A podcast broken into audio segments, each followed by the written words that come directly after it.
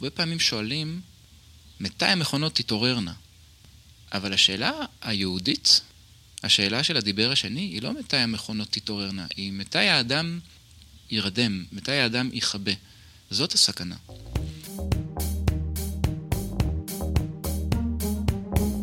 המצב הפוסט-אנושי פודקאסט על טכנולוגיה, תרבות ורוח עם דוקטור כרמל וייסמן.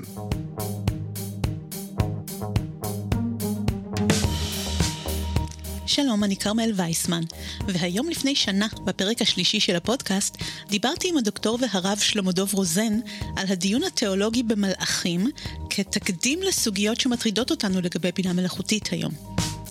את רוב החשיבה הדתית על טכנולוגיה קיבלנו מהנצרות. אז בפרק הזה אני רוצה לנסות לחשוב על זה דרך היהדות. לשם כך, אני מארחת את יותם יזרעאלי.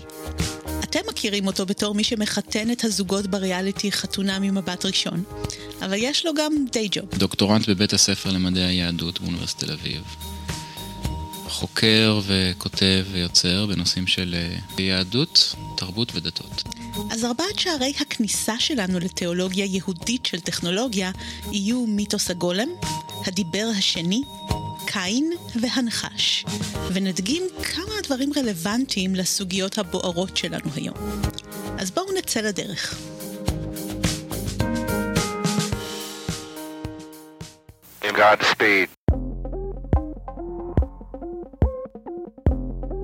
מיתוס הגולם הוא מודל להשראה שמאוד נוכח בקהיליית הבינה המלאכותית בימינו. במעבדת הבינה המלאכותית של MIT עברו במהלך השנים ארבעה מדענים ממוצא יהודי שטענו שהם צאצאים של אותו רב מפראג שיצר לראשונה את הגולם. על פי אחת האגדות, הגולם המת נמצא עדיין בעליית הגג של בית הכנסת בפראג, והרב יצר משפט, פסוק, שיכול להחיות את הגולם באחרית הימים. הפסוק הסודי עבר בירושה מאב לבן במעמד בר המצווה, ואותם מדענים, שאחד מהם היה אגב החוקר המפורסם מרווין מינסקי, האמינו שהם יהיו אלו שיחיו את הגולם. האנלוגיה ליצירה של בינה מלאכותית די ברורה כאן. ב-MIT מסתובב סיפור ששניים מהפרופסורים הבכירים שהאמינו בזה, ג'רי סוסמן ויואל מוזס, החליטו שכל אחד מהם יכתוב בנפרד על פתק את הפסוק הסודי להחייאת הגולם שקיבלו מאביהם בבר מצווה, וכשהם השוו את הפתקים, היה זה אותו הפסוק בדיוק. בתוך המסורות הדתיות יש המון דאטה שאפשר לעשות לו דאונלוד או אפלוד או לא יודע מה, אל תוך השיח הטכנולוגי של הבינה המלאכותית ושל הסינגולריות ושל הפוסט-אנושי, מכיוון שהמסורות התעסקו בשאלות האלה מכורח ההתעסקות שלהם בשאלה מהו האדם. ניגשו לשאלה הזו של מהו האדם בדיוק, דרך היחסים שלו עם uh, דברים שהם לא האדם, אבל קרובים לכך. עם חיות, עם אובייקטים, עם בובות, עם גלמים. השיח הטכנולוגי משתמש בדימוי הזה הרבה, אבל זה לא רק מטאפורה, זה לא רק דימוי. זה הדבר עצמו, זה זה. זה לקחת חומרה ולכתוב בה תוכנה. זה לקחת גוש של בוץ, ובעזרת uh, שפה, היום אפשר לקרוא לזה שפת תכנות, לשים בו את, ה, את האותיות, את הפסוקים, uh, בסדר הנכון, בצורה הנכונה, ולהקים אותו ל... האם זה לחיים? האם זה לפעולה? כלומר, למה? עכשיו, הסטרוקטורה הזאת של הגולם, בזה בדיוק היא מתעסקת. כלומר, זה לא סיפורים, זה לא צ'יזבטים על מישהו שיצר, כלומר, זה לא נועד בשביל זה. ברבדים היותר עמוקים, זה שאלות על מהו האדם, מה הגבול המוסרי של הטכנולוגי. בעולמות הטכנולוגיה אפשר לדבר עד מחר על אם תהיה בינה מלאכותית או לא, אם ההשלכות שלה יהיו טובות או רעות, אבל אף אחד לא שואל למה. למה אנחנו בכלל בוחרים להמציא אותה? בשביל תיאולוג, זאת השאלה הראשונה. נגיד, אדם מייצר גולם. קודם כל, מה המוטיבציה לזה? האם זה מתוך ההיבריס, שאני גם רוצה לייצר משהו? האם זה מתוך um, צורך שלי? האם זה מתוך איזושהי חולשה או מתוך עצלות? הניואנסים האלה הם נורא הם משמעותיים מבחינה אתית. אז יש פה עניין של קדמה, יש פה עניין של שירות, יש פה עניין של תיקון עולם. בגישות היותר אופטימיות. אבל בגישות היותר אמ, דיסטופיות, אז יש איזשהו היבריס ונרקיסיזם כזה, שאנחנו רוצים שה, שהטכנולוגיה כבר יחליף אותנו, יעשה בשבילנו, ואז אנחנו יכולים להמליך את עצמנו. עכשיו, זה החטא, נכון? אנא אמלוך, אני אמלוך. מהו גבול הכפירה? מהו גבול הלגיטימציה שלנו לעסוק ב... היום קוראים לזה טכנולוגיה, אבל ב- ב- ביחסים בין אדון ומשרת, בין אדון ועבד, מה זה הופך אותך כאדון? איזה תוד... מה, מה תודעת אדנות בכלל מייצרת בך כשיש לך מעין גולם כזה? הרי המון מספרות הגולם מתעסקת באינטראקציה, ביחסים, שבין הגולם לבין מי שיצר אותו. אמ, והאחריות אה, סביב הגבולות גזרה שאנחנו שמים לגולם, ואז לפעמים הגולם נכון יוצא משליטה. כשאנחנו יוצרים משהו, אנחנו עושים מעשה דתי. אנחנו חוזרים על האקט שברא אותנו ואת עולמנו. עושים מהכאוס קוסמוס. ככה קרא לזה חוקר הדתות הידוע מירצ'ה אליאדה. הרבה מדענים שאפו בבירור לגלות את סודות הבריאה ולהשתמש בהם. באוטופיה אטלנטיס החדשה שכתב פרנסיס בייקון, אחד מאבות הנאורות, הוא כתב, יום אחד בני האדם יהיו כאלים ויבראו בעצמם מינים חדשים. אבל כמו שאמר הדוד של ספיידרמן, עם כוח גדול באה אחריות גדולה. ואני אוסיף על זה גם דאגה גדולה, או פחד גדול יותר. הפחד לאבד שליטה על הטכנולוגיה, למשל, הוא תמה מרכזית בהיסטוריה של המחשבה הפוליטית החילונית, והיא מטרידה אותנו יותר ויותר ככל שהטכנולוגיה משתכללת. אנחנו חושבים על הטכנולוגיה דרך mindset של יחסי עבד-אדון. ולהיות אדון זה אומר לחיות כל הזמן עם הפחד שעבד כי ימלוך, שיחסי הכוח יתהפכו. אנחנו אפילו קוראים למצב הזה כשהגולם קם על יוצרו. אז הדבר הראשון שיותם מציע לנו ללמוד מהגולם קשור לזה. עצם המקום של האדם כבורא. אני חושב שזו נקודה מאוד משמעותית, שהסיפורים האלה באים ללמד צניעות. הם לא באים ללמד שהאדם הוא כלום, והוא לא יכול, ואולי כאילו באיזושהי תיאולוגיה נוצרית כזאת חוטא וחסר תקנה, לא בהכרח. פשוט צניעות, דע את מקומך. כאילו, אתה לא, אתה האדם, אתה לא באמת, עם כמה שאתה מתקדם ועם כמה שיצרת פה ציוויליזציה בלתי נתפסת ומדהימה, יש דברים שהם אה, נפלאים מבינתך, יש דברים שאתה עדיין לא, אתה לא הבורא. שזאת לא פוזיציה שכדאי לנו לשאוף אליה. יש משהו במוחין של אדנות שהוא מסוכן. התרבות אה, המסורתית שלנו ביהדות אה, כל הזמן היא, היא מאוד מאוד רוויה בתכנים, בטקסים, ברעיונות, בעקרונות, שמזכירים לנו ומבנים אצלנו את ההבנה שאנחנו חלק ממארג אנושי, ואנחנו לא האדונים, זה לא אני ואפסי עוד. זאת לא המציאות היהודית, כלומר, זה לא, זה לא הפרוגרמה היהודית. אני חושב שהגולם מאוד מכוון, ל... זאת אחת המסקנות שלו, כלומר, היזהר להיות אדון. גם אם אתה יכול, גם אם אכלת מעץ הדת, גם אם אתה יודע ואתה יכול לייצר דבר כזה, אל תתבלבל להסיק מזה שאתה הוא הבורא. עכשיו, כמובן שיש בנו משהו שמאוד רוצה להתקרב ליכולות האלה. אז בגלל, האדם הוא בדיוק, יש בו, את, יש בו את, ה, את הדינמיקה הזאת, שהוא כל הזמן צריך להיזהר ממנה. כלומר, זה מה שמגדיר את האדם, הוא נע בין ה... זה מה שמבדיל אותו גם, הוא, הוא, הוא, יש בו את הצלם אלוהים הזה, ויש בו גם את ה... לצורך העניין הבהמי, והוא כל הזמן נע על הספקטרום הזה.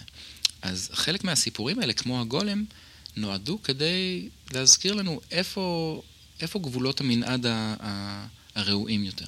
אבל יש גם מי שלא מפחדים לאבד שליטה. להפך. קווין קלי למשל, המייסד ועורך מגזין ויירד, כתב ספר שבו הוא מציע שנעשה עם הטכנולוגיה בדיוק מה שאלוהים עשה איתנו. כלומר, לא לנסות לשלוט בטכנולוגיה, אלא לשחרר אותה לעולם במצב מופרע, לתת לה להתמודד במרכאות. בחירה חופשית, מה שנקרא. רעיונות כאלו הם חלק מחזון הסינגולריות, הם חלק מהחלום על בינה מלאכותית שתתפתח ותהיה חכמה מאיתנו. זאת בעצם תקווה שהגולם יקום על יוצרו. אולי זאת התקווה היחידה לגאולה שיש לאתאיסט. אבל מנקודת מבטו של האדם המאמין, זו עבודה זרה. זה עגל הזהב. עבודה זרה היא להכתיר ולהמליך דבר מה שאתה יצרת. החוכמה המצטברת סימנה לנו את הנקודה הזאת במרקר, בכל מיני וריאציות שונות, ואמרה לנו, תיזהרו מזה. וכשאתם עושים את זה, תשימו לב לאלף, בית, גימל. אם הגולם יקום על יוצרו, ואם מה שהוא יתברך ירצה, שמה שיקרה פה, זה שהאנושות, כפי שהוא יצר אותה, תתפתח למשהו אחר. אהלן וסהלן, כאילו, אפשר למצוא לזה כאילו גושפנקה תיאולוגית אה, מהבחינה הזו. אבל כל מה שקשור למערכת יחסים, אלוהים פה ושם, בר... שוב, אני לא, אף אחד לא יסמיך אותי וזה, אבל לי באופן אישי זה נשמע כמו מישהו שמחפש מערכת יחסים עם התיאולוג, עם התיאולוגי. אבל הם לא מאמינים בו, אז הם לוקחים גולם. באמת, כאילו, יש בטכנולוגיה ממד טרנסנדנטי. וברגע שהנה, אנחנו חוזרים לסינגולריות, ברגע שהגולם עובר את היכולות שלך, אתה יכול להיות איתו ביחס שרצית להיות עם האל, שאתה לא מאמין בו. אתה מבין את הטריק פה? ל- לרצות להיות, לרצ... כאילו, מערכת יחסים הנשגב, פשוט תהיה במערכת יחסים הנשגב, כאילו, אני לא מבין מה... הוא לא עונה בניגוד לעגל סלש רובוט הנחמד שלי. אה, אז מה אם הוא לא עונה? אז מה?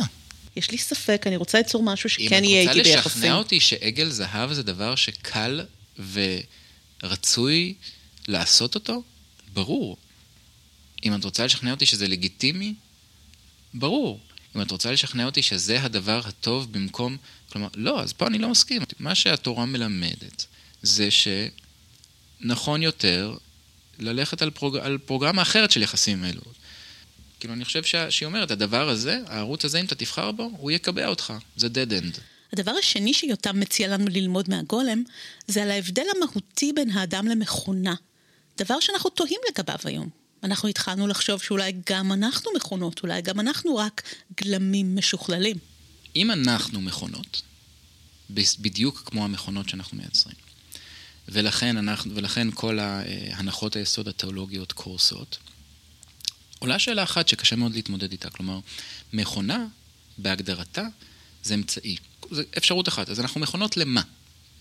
נכנס פה שאלה של ייעוד. באדם יש משהו שהוא צלם אלוהים. הדבר הזה אנחנו, גם המילה צלם אלוהים היא כשלעצמה מילה נורא מעניינת. צלם, אבל צלם אלוהים. כלומר, זה, זה, זה פסל, זה משהו חומרי, אבל גם לא. ולכן זה משליך בחזרה לאדם, שהאדם בעצמו יש בו שני יסודות, יש בו יסוד סופי ויסוד אינסופי. במכונה יש יסוד סופי ויסוד, ויסוד אינסופי, אבל האינסופי של המכונה המתקדמת הוא יסוד אינסופי מתמטי.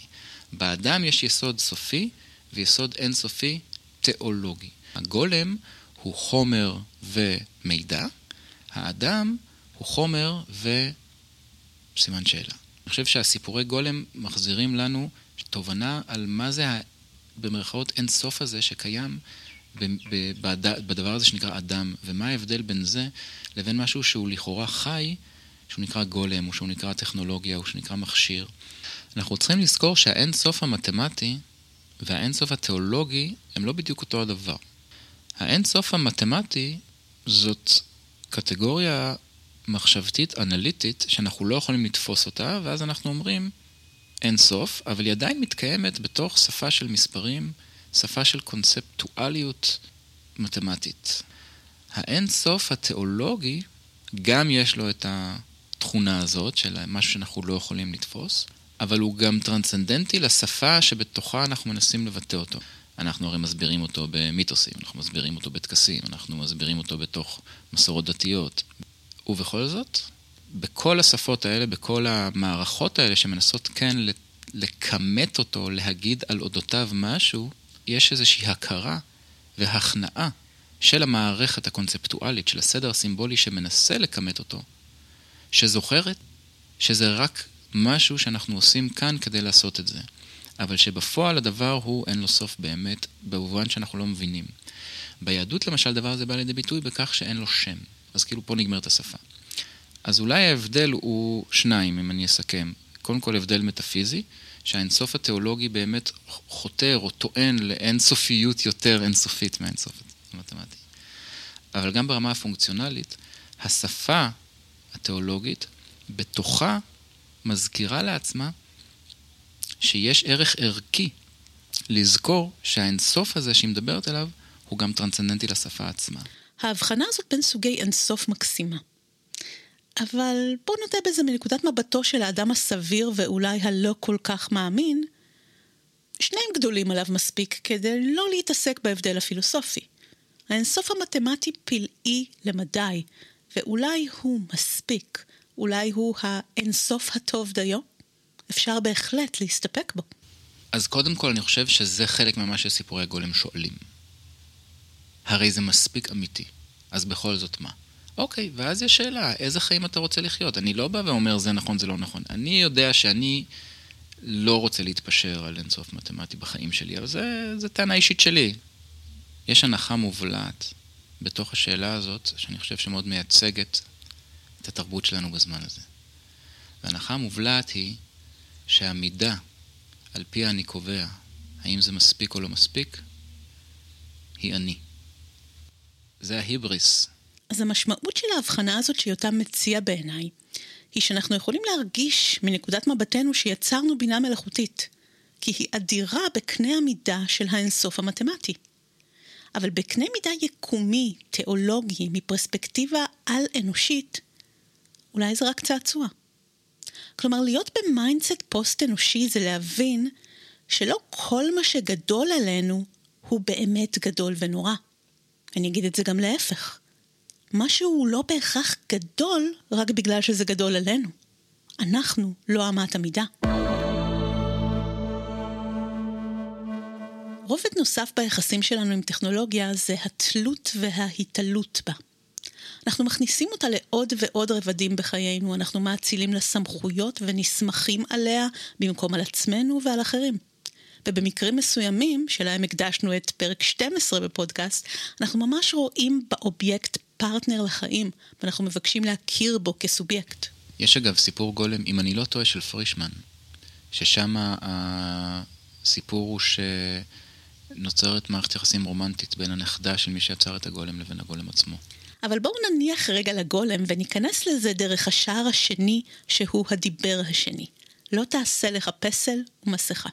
האיסור על פסל ומסכה, אנחנו הרבה פעמים מבינים אותו כאילו אסור לעשות, אה, זה לא נכון שאסור לעשות פסל ומסכה, אסור לעשות ואז להבין את זה בתור הדבר עצמו. כלומר, אסור לתפוס משהו שהוא לא אינסוף ולהבין אותו בתור הדבר כשלעצמו. ברגע שאנחנו נתקעים על הפסל, ברגע שאנחנו חושבים, אה, ah, התמונה הזאת, זה הדבר, אז אנחנו בעצם הם, מעבים את התמונה, והווילון השקוף הזה, אי אפשר לראות דרכו.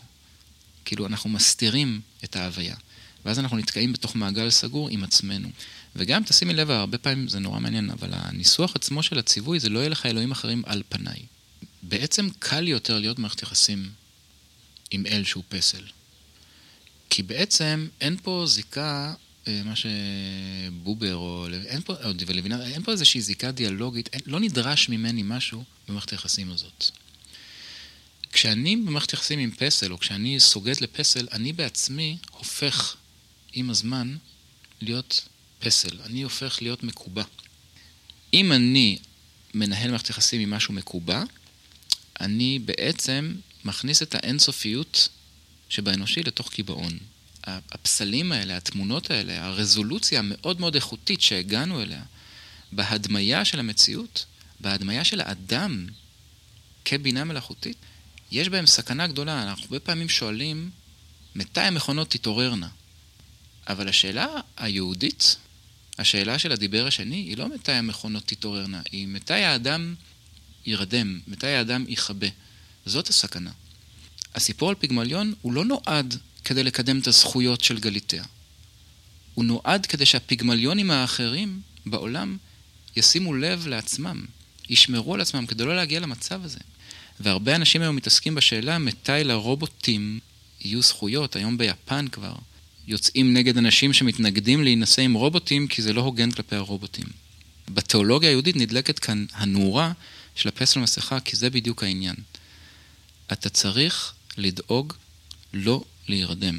אתה צריך להישאר ער, ולהישאר ער מבחינה תיאולוגית יהודית זה לזכור שההוויה היא אינסופית, ולכן אתה, אתה פוטנציאל אינסופי להתממשות בתוך מציאות סופית. כי יש משהו במערכת היחסים הטכנולוגי שהוא לא דורש ממך, הוא מותאם למידותיך. אתה לא נדרש, אתה לא מאותגר כשזה מול משהו שהוא כל כך תפור על פי מידותיך. יש את הסיפור על הסרט של האחים למיה, שהקרינו אה, רכבת. האמת היא שזה סיפור, זה, זה דווקא דוגמה מאוד מאוד אה, טובה כדי להבין את המצב שאנחנו נמצאים בו היום. כי יש לנו מצב של טכנולוגיה חדשה, שהמוח והרגשות והחושים שלנו לא יודעים בדיוק עדיין איך לעכל אותה. אז אנחנו נסמכים על השיפוטים האונתולוגיים שזמינים לנו. אז אני יושב עכשיו ואני רואה על מסך בקולנוע רכבת שמתקרבת. אני יודע שאני יושב בקולנוע ושאני לא בתחנת רכבת, אבל כל השיקולים האמפיריים, האונתולוגיים שלי, אומרים לי, תעוף מכאן, הרכבת מתקרבת. אבל ברגע שאנחנו מבינים, אה, ah, זה מסך, זה לא הדבר האמיתי, אנחנו כבר יכולים לפתח עם זה מערכת יחסים אחראית יותר. למה אני אומר שזה כן רלוונטי להיום? כי מה שקורה היום, במידה מסוימת, זה שהטכנולוגיה נמצאת במרוץ לייצר רזולוציה ואיכות תמונה וחדות טובה יותר. ואז אנחנו גם נמצאים בכל הזמן במצב של סף טכנולוגי חדש, אנחנו צריכים כל הזמן לעדכן את הגרסה האמפירית-אונתולוגית שלנו עצמנו, את, את השיפוט האונתולוגי, כלומר, האם מה שעומד מולי זה אמיתי או לא, זה א', ב', אם אני משתכנע שזה נכון, זה הרגע שבו עשיתי פסל ומסכה, כלומר, שמתי משהו על פניו. זה קצת כמו ההוא במטריקס, שאומר, אני אוכל עכשיו סטייק, אני יודע שזה לא סטייק אמיתי, אני יודע שהנוירונים במוח שלי אומרים לי שזה סטייק, אבל מה אני אגיד לך, הוא אומר ל Agent Smith?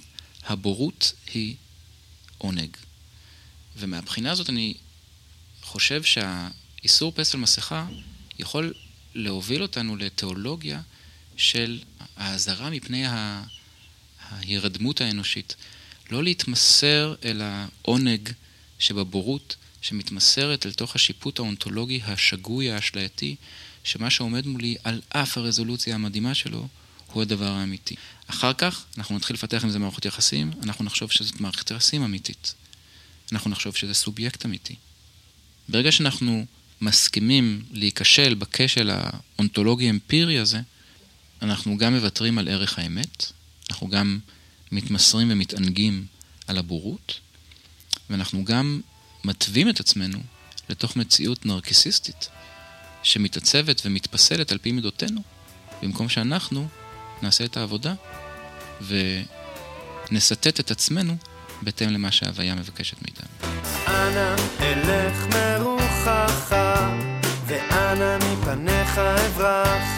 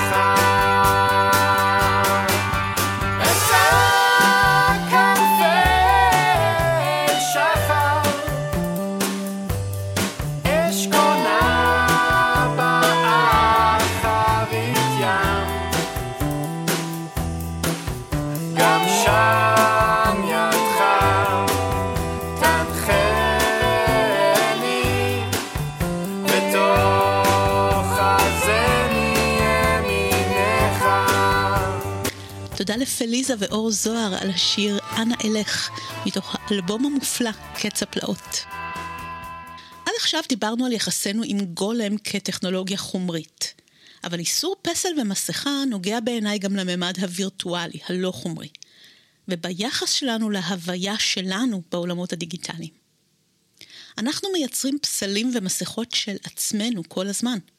פרסונות וירטואליות, אסטרטגיות, ממותגות, ובינינו הן די מקובעות. מי לא הסתכלה פעם על הפרופילים שלה והרגישה, מה לי, לאינסוף הזה שאני במילותיו של יותם, ולצלם הנקודתי והשטחי הזה. יש מדרש של אברהם שהוא היה בחנות של, של אבא שלו, ומגיעה אישה ומבקשת אה, פסלון. והיא אומרת, אה, יכול להיות שאני לא מדייק בדיוק בפרטים, אבל הרעיון יעבור, היא מבקשת פסל אה, עני, כאישה ענייה. ואז מגיע מישהו אחר, הוא מבקש פסל גיבור, כי הוא אדם גיבור. כלומר, אנחנו הרבה פעמים משליכים על הפסל את, ה, את הפוזיציות ואת הדיספוזיציות שלנו עצמנו, ואז אנחנו סוגדים לזה, ואז אנחנו מייצרים מעגל סגור עם עצמנו. זאת עבודת אלילים. כלומר, זה, אני חושב, מה שאיסור פסל מסכה מבקש מאיתנו להימנע ממנו. העבודה האמיתית, אליבא דגישה הזאת, היא עבודה שנעמדת מול האינסוף. כשאתה נעמד מול האינסוף, אז האפשרויות שלך להתגלות בתוך הסופיות שאתה חי בה, מתרחבות. ואז אתה לא מצטמצם לפסל ומסכה. אז אני אגלה לכם מה המשמעות של התנ"ך עבורי ואיך אני רואה אותו. יותם הזכיר קודם שאין לנו בדיוק שם לאל, יש הרבה שמות ואנחנו לא בטוחים איך לבטא את צירוף האותיות י', ה', ו', ה', אבל האותיות הללו קשורות מאוד למילה הוויה. ואחת הצורות שאנחנו קוראים לאל זה גם שם הוויה. עבורי התנ"ך הוא טקסט פילוסופי מיתי, שעוסק ביחס שלנו עם ההוויה. והוא מספר לנו על דרך המשל איך להיות בעולם כדי להישאר בקשר עם ההוויה, עם אנרגיית החיים הזו.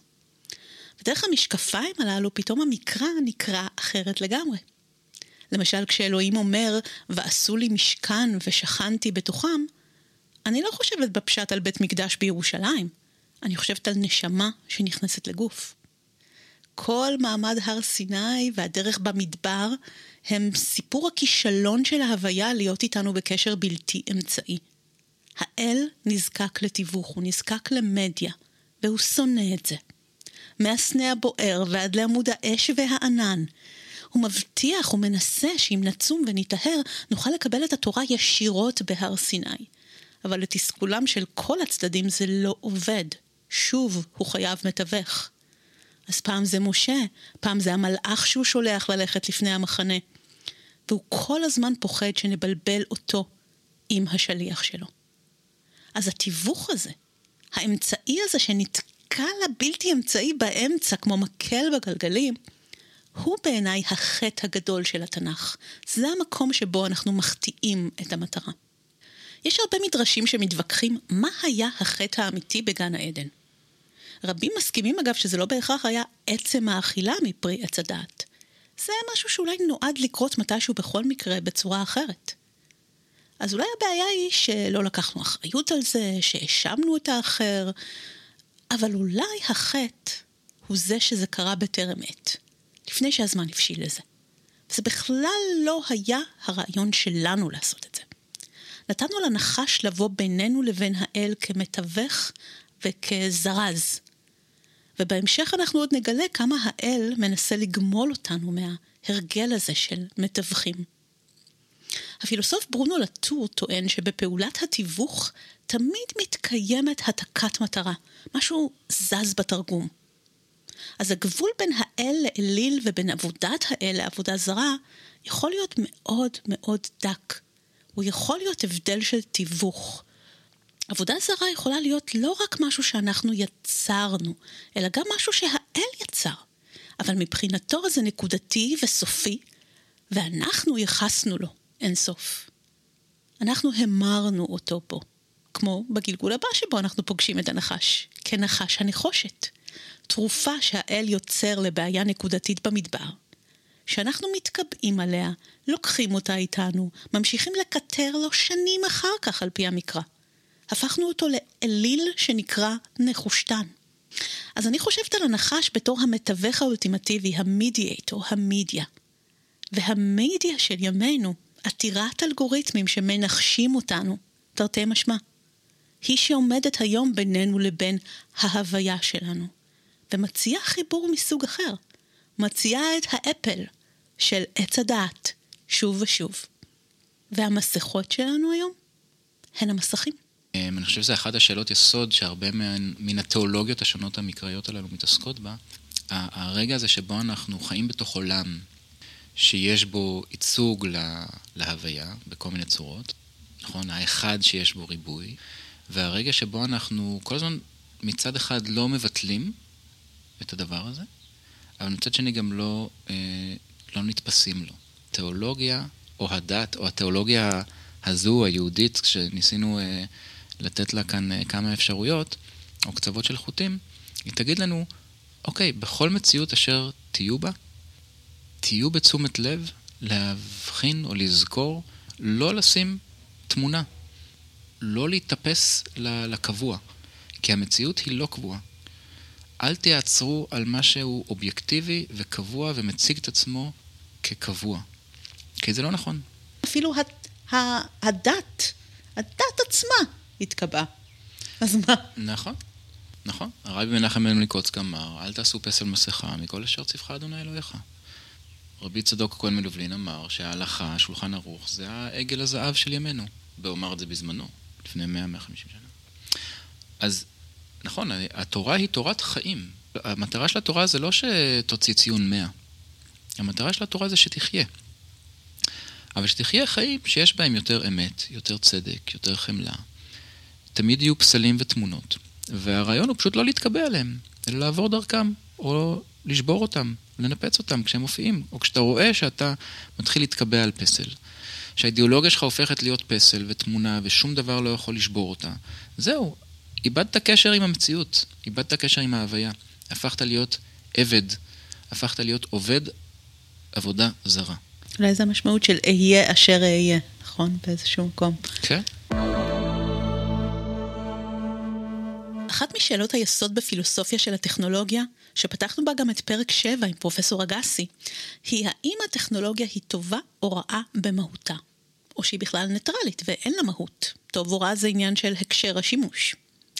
המילה טכנולוגיה מגיעה מהמילה היוונית טקנה, שיש לה מגוון משמעויות.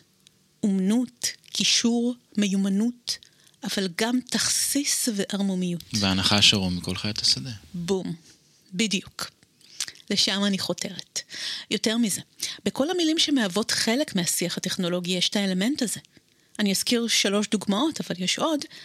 המילה device היא מתקן או מכשיר, אבל גם תחבולה ותכסיס. זה ממש פועל to device. Uh, המילה machine, כן, באה מ-machination, מזימה, קנוניה, תככים. אפילו המילה craft, שהיא אומנות או מלאכה, היא גם ערמומיות, to be crafty, כן? להיות ערמומי. כלומר, זאת מסורת שבה הטכנולוגיה נתפסת כהערמה על המציאות, לטוב ולרע. זו מיומנות. הטכנולוגיה כנחש. אבל הנחש הוא לא בהכרח דבר רע ביהדות. נחש הנחושת הוא גם סמל הרפואה, ויש קשר קבלי בין הנחש למשיח.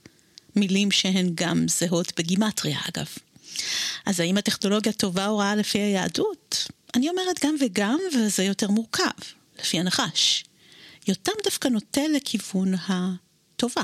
המילה מכשיר, למשל, אז זה לא איך אני מערים על המצ... זה לא אני, זה איך אני מכשיר, איך אני מגלה מתוך ההוויה שמסביבי את הכושר ואת המסוגלות של דבר כזה או אחר ל- ל- להשתתף בתוך המציאות בצורה כזאת שתוכל להעשיר ולהכשיר את המציאות עצמה לעוד אה, היבטים שלה. אני חושב שזו גישה קצת שונה, זו באמת גישה כאילו יותר אה, אחדותית, כלומר, בתוך, דבר, בתוך כל דבר גלום הכושר, אה, הסגולה, המסוגלות שלו, והטכנולוגי בעברית זה כאילו ההכשרה של הסגולה של מחשב, אם זה מכונית, אם זה גלגל, אם זה בן אדם. גם התורה עצמה מהבחינה הזאת היא מכשיר. כבר הכרנו בפרק 19 עם תומר פרסיקו את הנרטיב הנוצרי שבו הטכנולוגיה היא מתת אל. ונראה שגם ביהדות היחס לטכנולוגיה הוא לא שלילי. אבל זאת לא בדיוק מתת אל. ורק עכשיו כשאמרתי את זה שמתי לב שמתת זה גם מתנת אבל גם מוט. ובאמת יש פה משהו יותר מורכב, שיותם מציע לנו להבין דרך השער הרביעי והאחרון שלנו להיום, הדמות של קין. קודם כל, קין, השם שלו, קניין, אמ, זה, זה, זה, זה תודעה של אה, אני עשיתי, אה, כתוב ותהר ותלד את קין, ותאמר קניתי איש את אדוני. קניתי בתנ"כית זה עשיתי. הוא תוצר, הוא עשייה, הוא, הוא, הוא כבר, הטכנולוגיה הזאת של פרור וו. כן, הוא product, בדיוק, product, זו המילה שחיפשתי. אה, וזה נכון, הוא ה product הראשון. פה אני ממש לא מחדש, זה כאילו קין זה הקניין, זה החומר, זה הרכושנות, זה האדנות. זה אני עשיתי את זה ולכן זה שלי. הבל אה, הוא הרוח, הוא ההבל פה. אוקיי, עכשיו, קין, אחר כך אנחנו גם רואים, קין הוא עובד אדמה, הבל הוא רועה צאן. אז גם כל הראשית הציוויליזציה, ראשית הטכנולוגיה, זה מורשת של קין, זה הקו, זה הליניאג' של קין. המהפכה החקלאית זה קין. ברגע שמתחילים, כאילו, כל הדברים האלה, לעבוד את האדמה, מן הצאצאים שלו, אמ, יוצא אה, תובל קין, שהוא לוטש כל חורש, נחושת וברזל. הוא אבי החרשות. ואז מה קורה עם קין? קין רוצח את הבל. כלומר, החומר, הטכנו, רוצח את הרוח. ומה הוא מקבל בתמורה? אות. אות קין זה סטרוקטורה מאוד מעניינת, כי זה גם כתב אישום וגם כתב הגנה בעת ובעונה אחת. שמים לו אות, אלוהים אומר לו, אני נותן לך את האות כדי שאף אחד לא ייגע בך. מצד שני, כולם ידעו שעשית את זה. אז אות קין זה כמובן אות קלון כזה, נכון? אבל המקום שלך בעולם מוגן.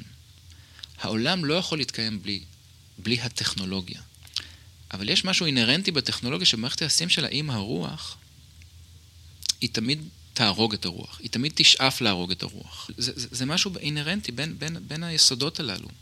זה לא רע, זה לא טוב, זה פשוט זה זה. אני חושבת שבמקרא יש גלגולים לדברים האלה. נגיד המאבק בין עשיו ליעקב, אפשר לקרוא אותו ממש כעוד עוד גלגול לקין והבל, שבו דווקא הרוח מנצחת. יעקב הפעם. כן. אני חושב שהסיפור הזה מדגיש לנו בתוך התיאולוגיה היהודית שנובעת מהקו הזה, דווקא לא משהו דואלי.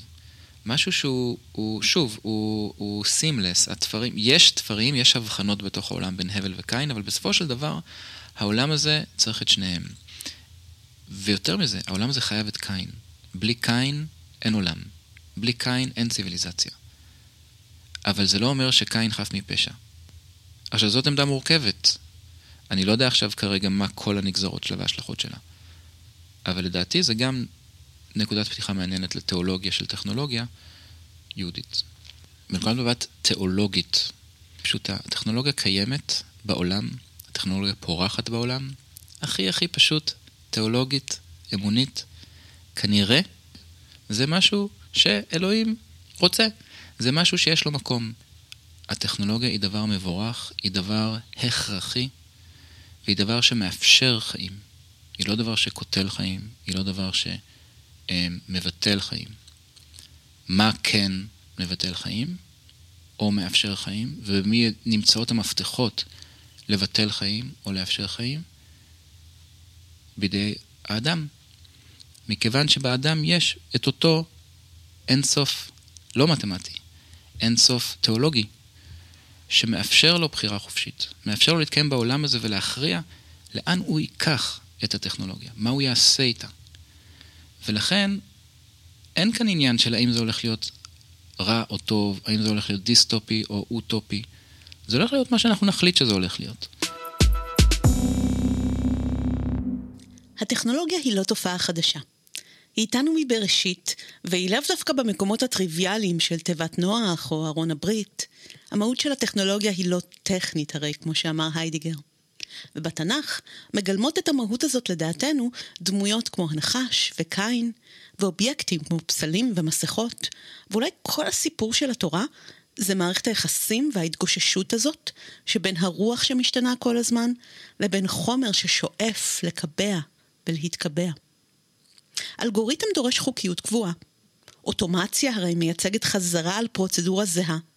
ואילו הרוח מתחדשת, גם כשהיא חוזרת לאותו הנהר, היא לא יכולה לדרוך בו פעמיים באותה צורה. ולנו כבני אנוש, חשוב להמשיך לשחק עם שתיהן, ולא לחתום בלעדיות עם אף אחת. לא ליפול לאשליה שאחת מהן תעשה את העולם למושלם, תוביל לאוטופיה. מבחינה תיאולוגית, העולם לא יכול להיות מושלם. מכיוון שאם הוא היה מושלם, היינו נתקעים עליו כפסל ותמונה.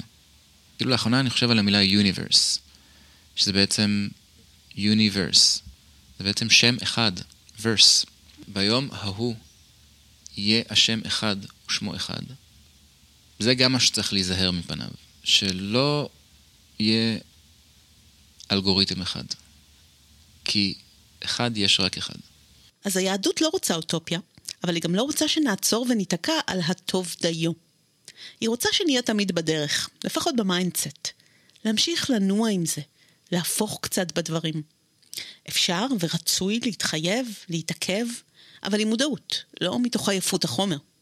אפשר אפילו לנמנם, אבל תיזהרו שלא להירדם עד לכיבוי האורות, אה? דבר נוסף שלמדנו כאן זה שאם אני חיה לפי אמת המידה האנושית שלי, באופן אירוני אני לא אנושית בכלל. כי חלק מהאנושי זה הקשר עם הפוסט והעל-אנושי שבפנים, האינסוף. ואם אני ממירה את זה בקשר עם אינסוף מתמטי, משועתק, זה יכול להרגיש מאוד אמיתי, כל כך אמיתי שזה באמת לא משנה ביומיום. הרי מדובר ברזולוציה שאנחנו מפספסים בעין האנושית. אז האם זה בכלל משנה? למי זה משנה? ומה בעצם אנחנו מפסידים כאן? זה קצת מזכיר לי את הדיון שהתקיים לפני מאה שנה בקרב הפילוסופים של אסכולת פרנקפורט. ולטר בנימין דיבר על ההילה החד פעמית של היצירה, ותיאודור אדורנו היה מזועזע ממוזיקה ברדיו לעומת קונצרט. היום זה נשמע מצחיק. אפילו אניני מוזיקה מבוגרים ישמעו דיסק או תקליט או ספוטיפיי. הרי כל הציר שלנו זז כבר לעולם השעתוק, וזה נשמע מוזר לטעון שרק צליל הכינור באולם הפילהרמונית הוא אמיתי וראוי ומסוגל לגעת בנו באמת. עכשיו אולי הם צדקו, אולי אנחנו באמת מפספסים פה משהו. אבל המשהו הזה לא מספיק מורגש בקנה המידה שלנו ולא ברור מהו. עם זאת, בענייני רוח נראה לי שזה קצת שונה. כי באין סוף הפנימי שלנו יש איזשהו הבדל ויש יכולת לחוש הבדל, אולי לא כולם מאוד רגישים לו, אבל נסו להבחין, תבדקו את זה על עצמכם. האם האינטראקציה עם האינסוף המתמטי, עם נפלאות העולם הטכנולוגי סביבנו, ממלאה, מעוררת חיות וזרימה וברק בעיניים, ונותנת תחושת מטרה ומשמעות? או שאולי למרות כל הניסים והנפלאות הללו, בסוף היום נותר בתוכנו איזה חלל ריק, משהו עמום כזה, שרק אין סוף רוחני יכול למלא. אז תודה רבה ליותם יזרעאלי, אחד האנשים שאני הכי נהנית לחשוב ולדבר איתם. צללנו ממש לעומק הפעם, ובפרק הבא נחזור לגובה פני המים ולפוליטיקה של בינה מלאכותית. אם אהבתם ואהבתן את הפודקאסט, אני אשמח אם תמליצו עליו לאנשים שעשויים להתעניין בו. כפודקסטרית עצמאית אני זקוקה לעזרה שלכן ושלכם כדי שזה באמת יגיע לאנשים שאוהבים לחשוב בגדול. כי אני עושה פה הרבה רוח, אבל האלגוריתמים הם שקובעים בסוף. אז דרך נוספת לעזור זה לדרג את הפודקאסט ואפילו לכתוב review מילולי ב iTunes או Apple Podcast. לכל בעלי האייפון יש את האפליקציה הזאת ב default, אפשר גם במחשב, כי זה המקום שקובע והכי עוזר להיחשף לקהלים חדשים רלוונטיים. אז תודה מראש, קיץ צונן ולהשתמע בעוד שבועיים. thank you